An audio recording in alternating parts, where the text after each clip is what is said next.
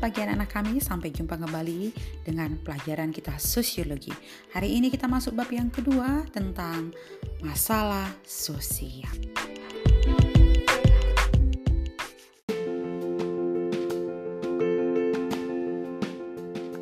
Pada pagi hari ini kita akan membahas tentang masalah sosial. Menurut anak-anak kami, apa itu masalah sosial? Apa itu masalah? Masalah itu adalah sesuatu hal yang tidak sesuai dengan nilai dan norma di masyarakat. Sosial kehidupan masyarakat satu dengan yang lain. Sehingga dapat kita buat pengertian masalah sosial adalah kondisi di mana ada hal yang tidak diinginkan, yang bertentangan, aneh, dan tidak benar dan sulit diterima oleh masyarakat. Inilah definisi masalah sosial. Kemudian kita akan masuk kepada ada dua elemen dalam masalah sosial. Elemen yang pertama adalah elemen objektif, yang kedua adalah elemen subjektif. Elemen objektif adalah di mana keberadaan suatu kondisi sosial yang berbahaya bagi masyarakat keberadaan suatu kondisi ya nak. Kondisi itu berbahaya bagi masyarakat. Contohnya seperti anak jalanan human trafficking atau pencurikan anak dan lain sebagainya. Yang kedua adalah elemen subjektif. Elemen subjektif adalah keberadaan suatu kondisi sosial yang dianggap sebagian masyarakat itu berbahaya dan sebagian lagi menganggap itu hanya mengurangi kualitas hidup manusia. Contohnya, and the gangs. Ada geng ubur-ubur, and the geng orak-orik. Ada menganggap bahwa itu adalah hal untuk menambah kualitas pertemanan. Kemudian yang lain menganggap itu adalah sebuah masalah yang bisa mengakibatkan bahaya bagi orang lain. Dan kita lihat seperti geng motor itu sangat berbahaya bagi masyarakat ya karena kemudian yang kedua penggunaan obat terlarang. Penggunaan obat terlarang itu sangat berbahaya apabila tidak digunakan tepat pada tempatnya. Tepat pada tempatnya itu digunakan pada saat apa? Operasi supaya kita tidak merasakan rasa sakit, tapi sekarang orang menyalahgunakannya. Makanya banyak orang yang sekarang masuk rumah sakit jiwa bukan karena stres depresi, tapi akibat daripada pemakaian narkoba. Hati-hati ya anak ibu. Kemudian transgender. Ada orang yang mengganti daripada jenis kelaminnya, laki-laki menjadi perempuan, perempuan menjadi laki-laki. Itu merupakan sebagai masalah sosial dan polusi, baik itu polusi udara, polusi air, polusi tanah dan lain sebagainya. Oke, dari kedua elemen ini ada yang mau ditanyakan? Oke, paham ya nak? Jelas sekali. Sekarang kita akan masuk kepada teori masalah sosial. Teori masalah sosial sering kali keluar di ujian SBMPTN dan ini Ibu pastikan keluar di ujian UTS.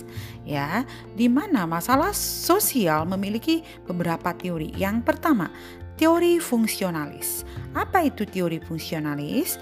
Teori fungsionalis adalah teori di mana sebagian masyarakat saling bekerja sama untuk membangun tatanan sosial yang stabil. Akan tetapi, di dalam membangun tatanan sosial yang stabil itu, ada yang tidak menjalankan fungsinya dengan baik, dan ada yang menjalankan fungsinya dengan baik. Apabila tidak dijalankan dengan baik, maka muncullah masalah sosial.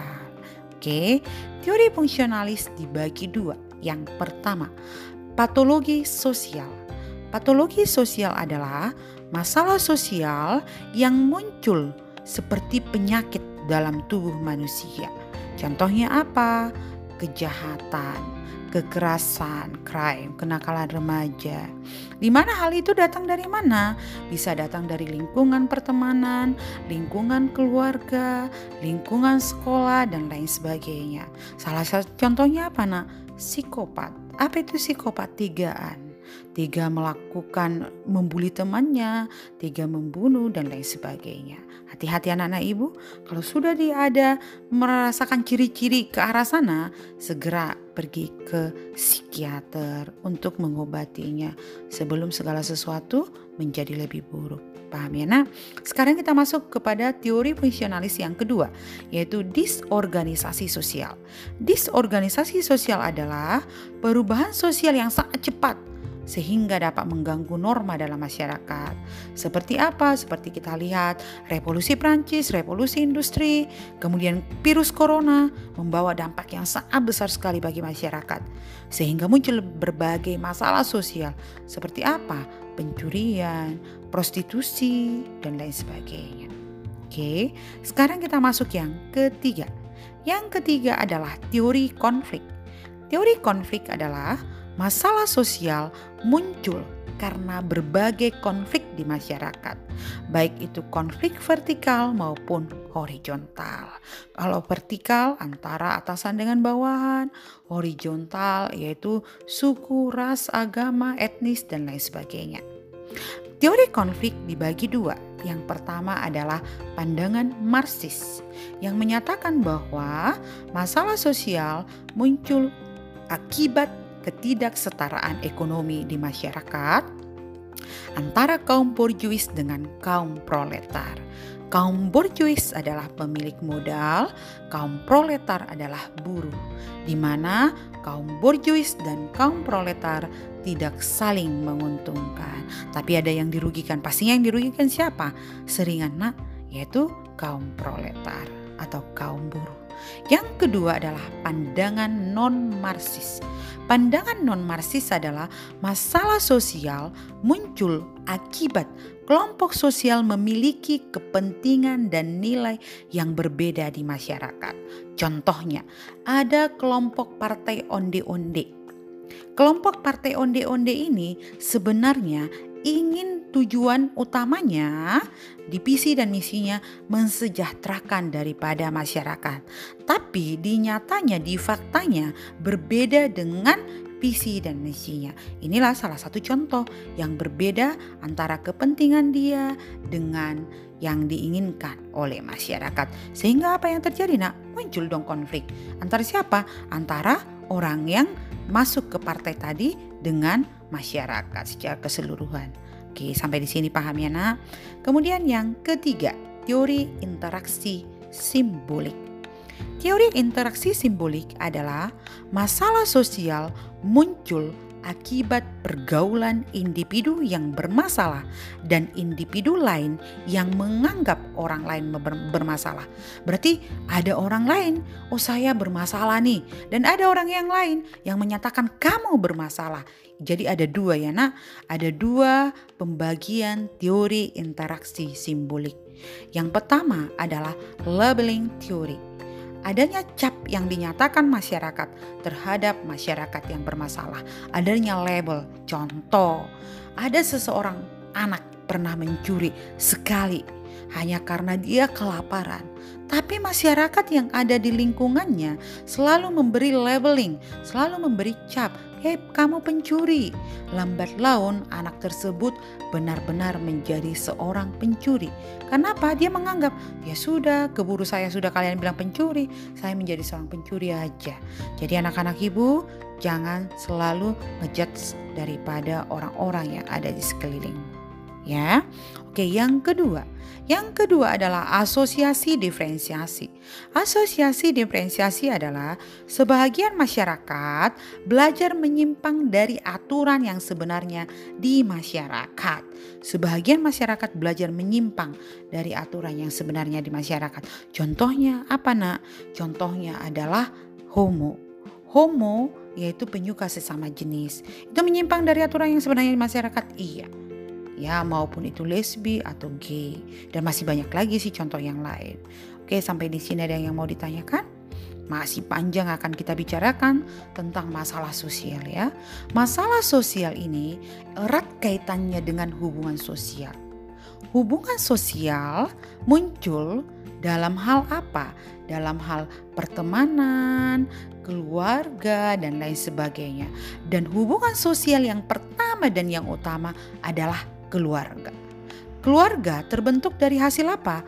Dari perkawinan, yaitu yang dilakukan oleh lembaga perkawinan.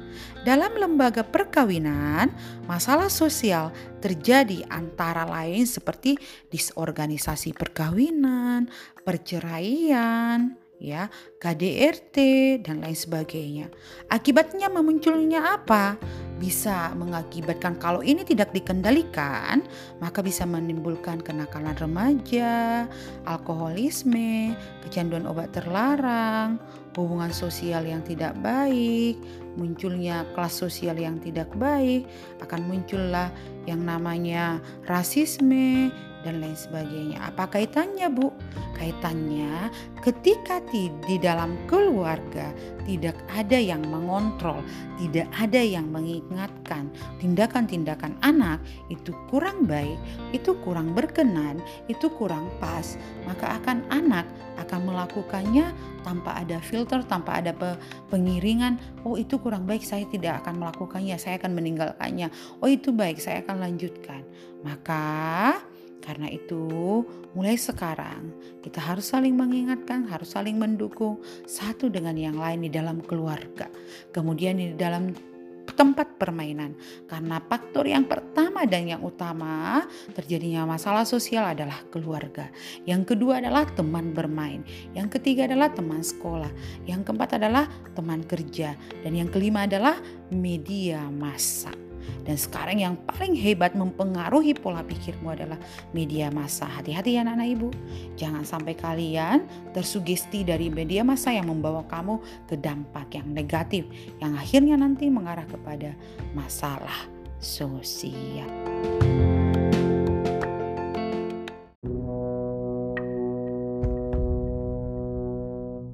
Sampai di sini pembelajaran kita hari ini anak-anak ibu. Ujian kita UTS dari bahan daring 1 sampai bahan daring 7. Kalian pelajari buku paket kalian baik penerbit ESIS maupun Bumi Aksara dari pilihan berganda. Karena soalnya ibu ambil dari buku paket dan catatan daring 1 sampai 7. Tetap semangat, selalu berbahagia. Salam keberagaman.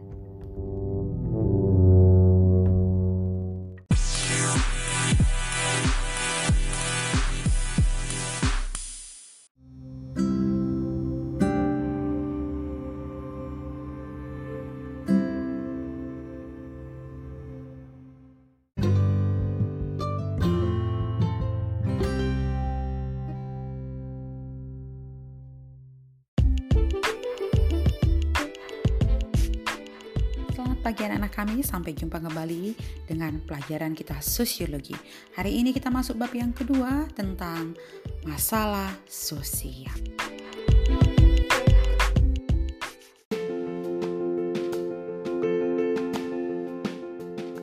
Pada pagi hari ini kita akan membahas tentang masalah sosial. Menurut anak-anak kami, apa itu masalah sosial? Apa itu masalah?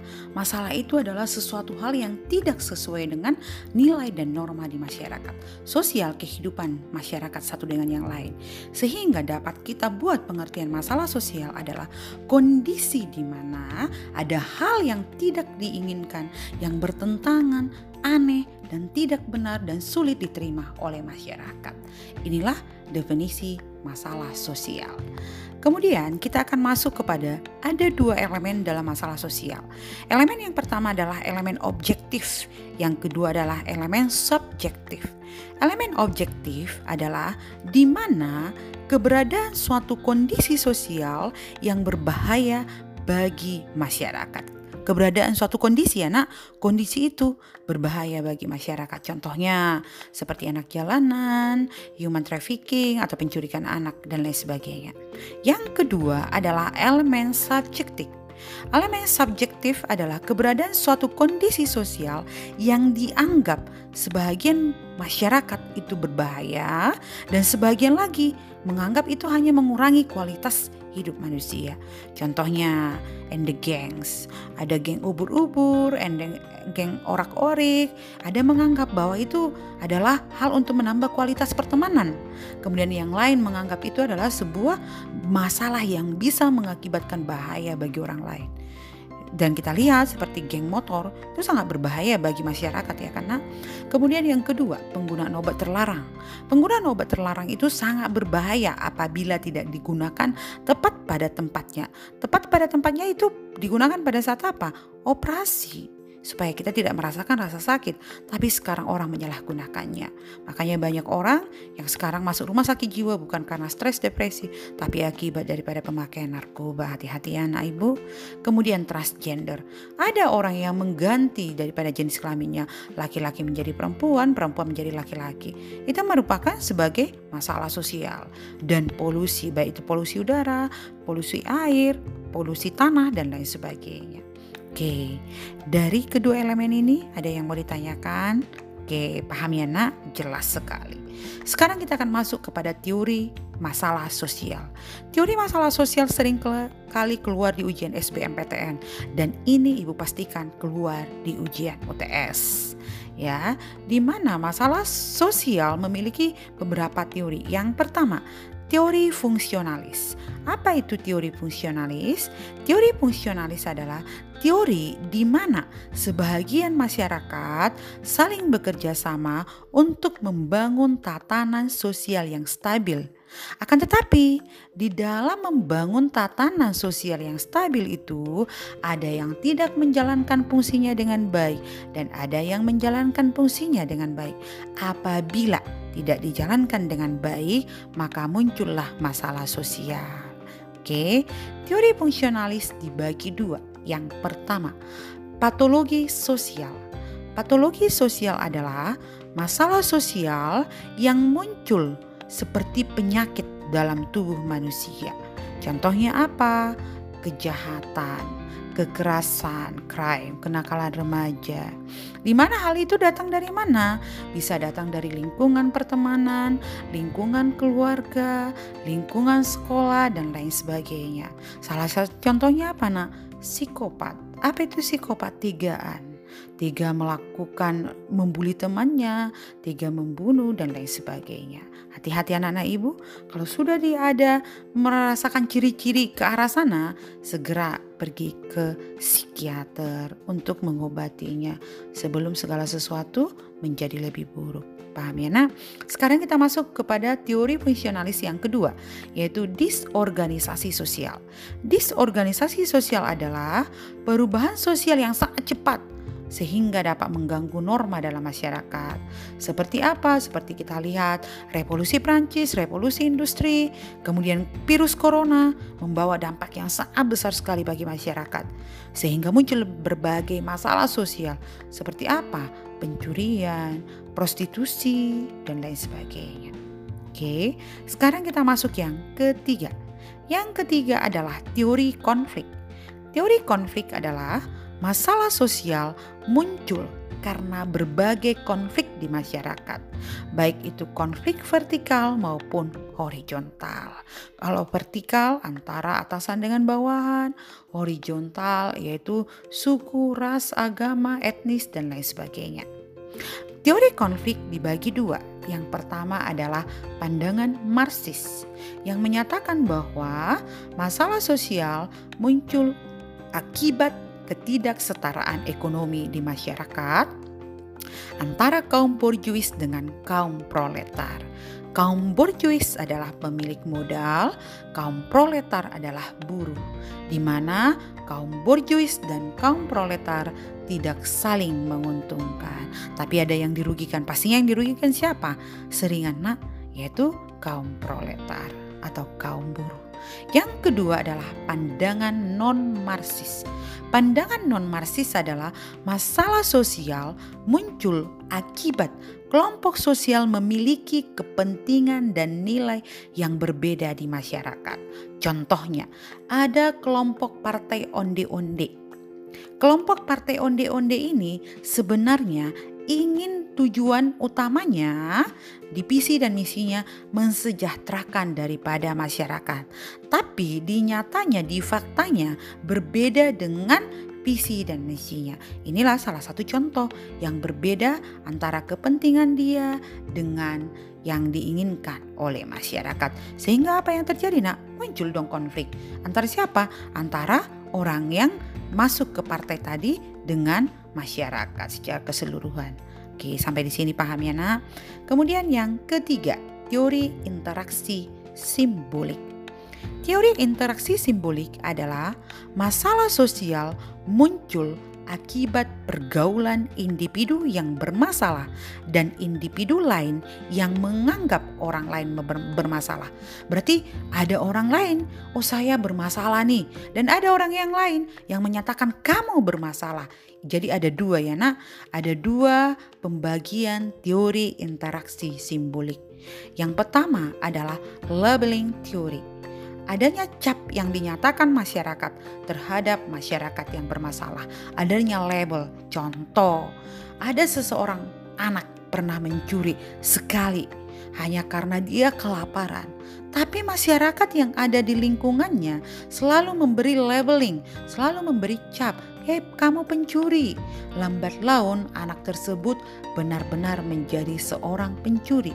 Kenapa? Dia menganggap, "Ya sudah, keburu saya sudah kalian bilang pencuri, saya menjadi seorang pencuri aja."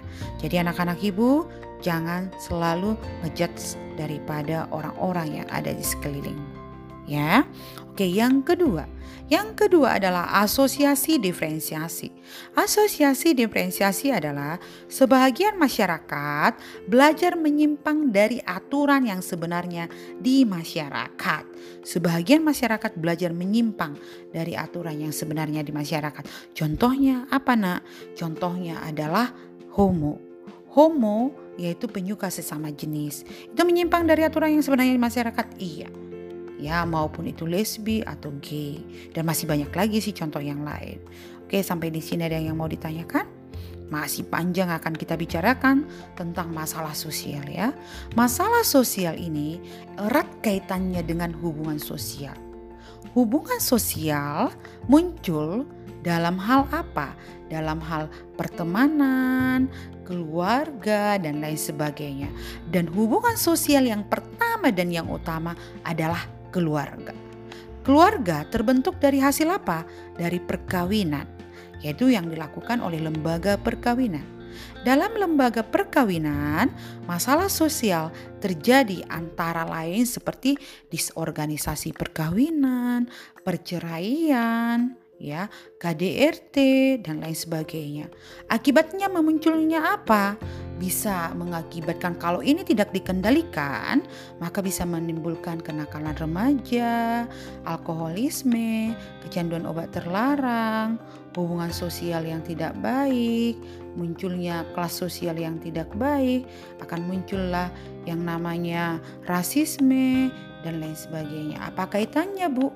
Kaitannya ketika di, dalam keluarga tidak ada yang mengontrol, tidak ada yang mengingatkan tindakan-tindakan anak itu kurang baik, itu kurang berkenan, itu kurang pas, maka akan anak akan melakukannya tanpa ada filter, tanpa ada pengiringan. Oh, itu kurang baik, saya tidak akan melakukannya, saya akan meninggalkannya. Oh, itu baik, saya akan lanjutkan. Maka karena itu, mulai sekarang kita harus saling mengingatkan, harus saling mendukung satu dengan yang lain di dalam keluarga, kemudian di dalam tempat permainan. Karena faktor yang pertama dan yang utama terjadinya masalah sosial adalah keluarga. Yang kedua adalah teman bermain. Yang ketiga adalah teman sekolah. Yang keempat adalah teman kerja. Dan yang kelima adalah media massa. Dan sekarang yang paling hebat mempengaruhi pola pikirmu adalah media massa. Hati-hati ya anak-anak ibu. Jangan sampai kalian tersugesti dari media massa yang membawa kamu ke dampak yang negatif. Yang akhirnya nanti mengarah kepada masalah sosial.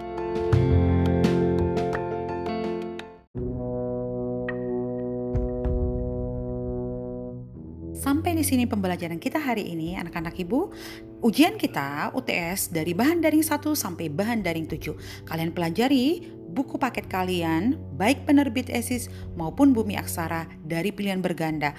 Karena soalnya Ibu ambil dari buku paket dan catatan daring 1 sampai 7. Tetap semangat, selalu berbahagia.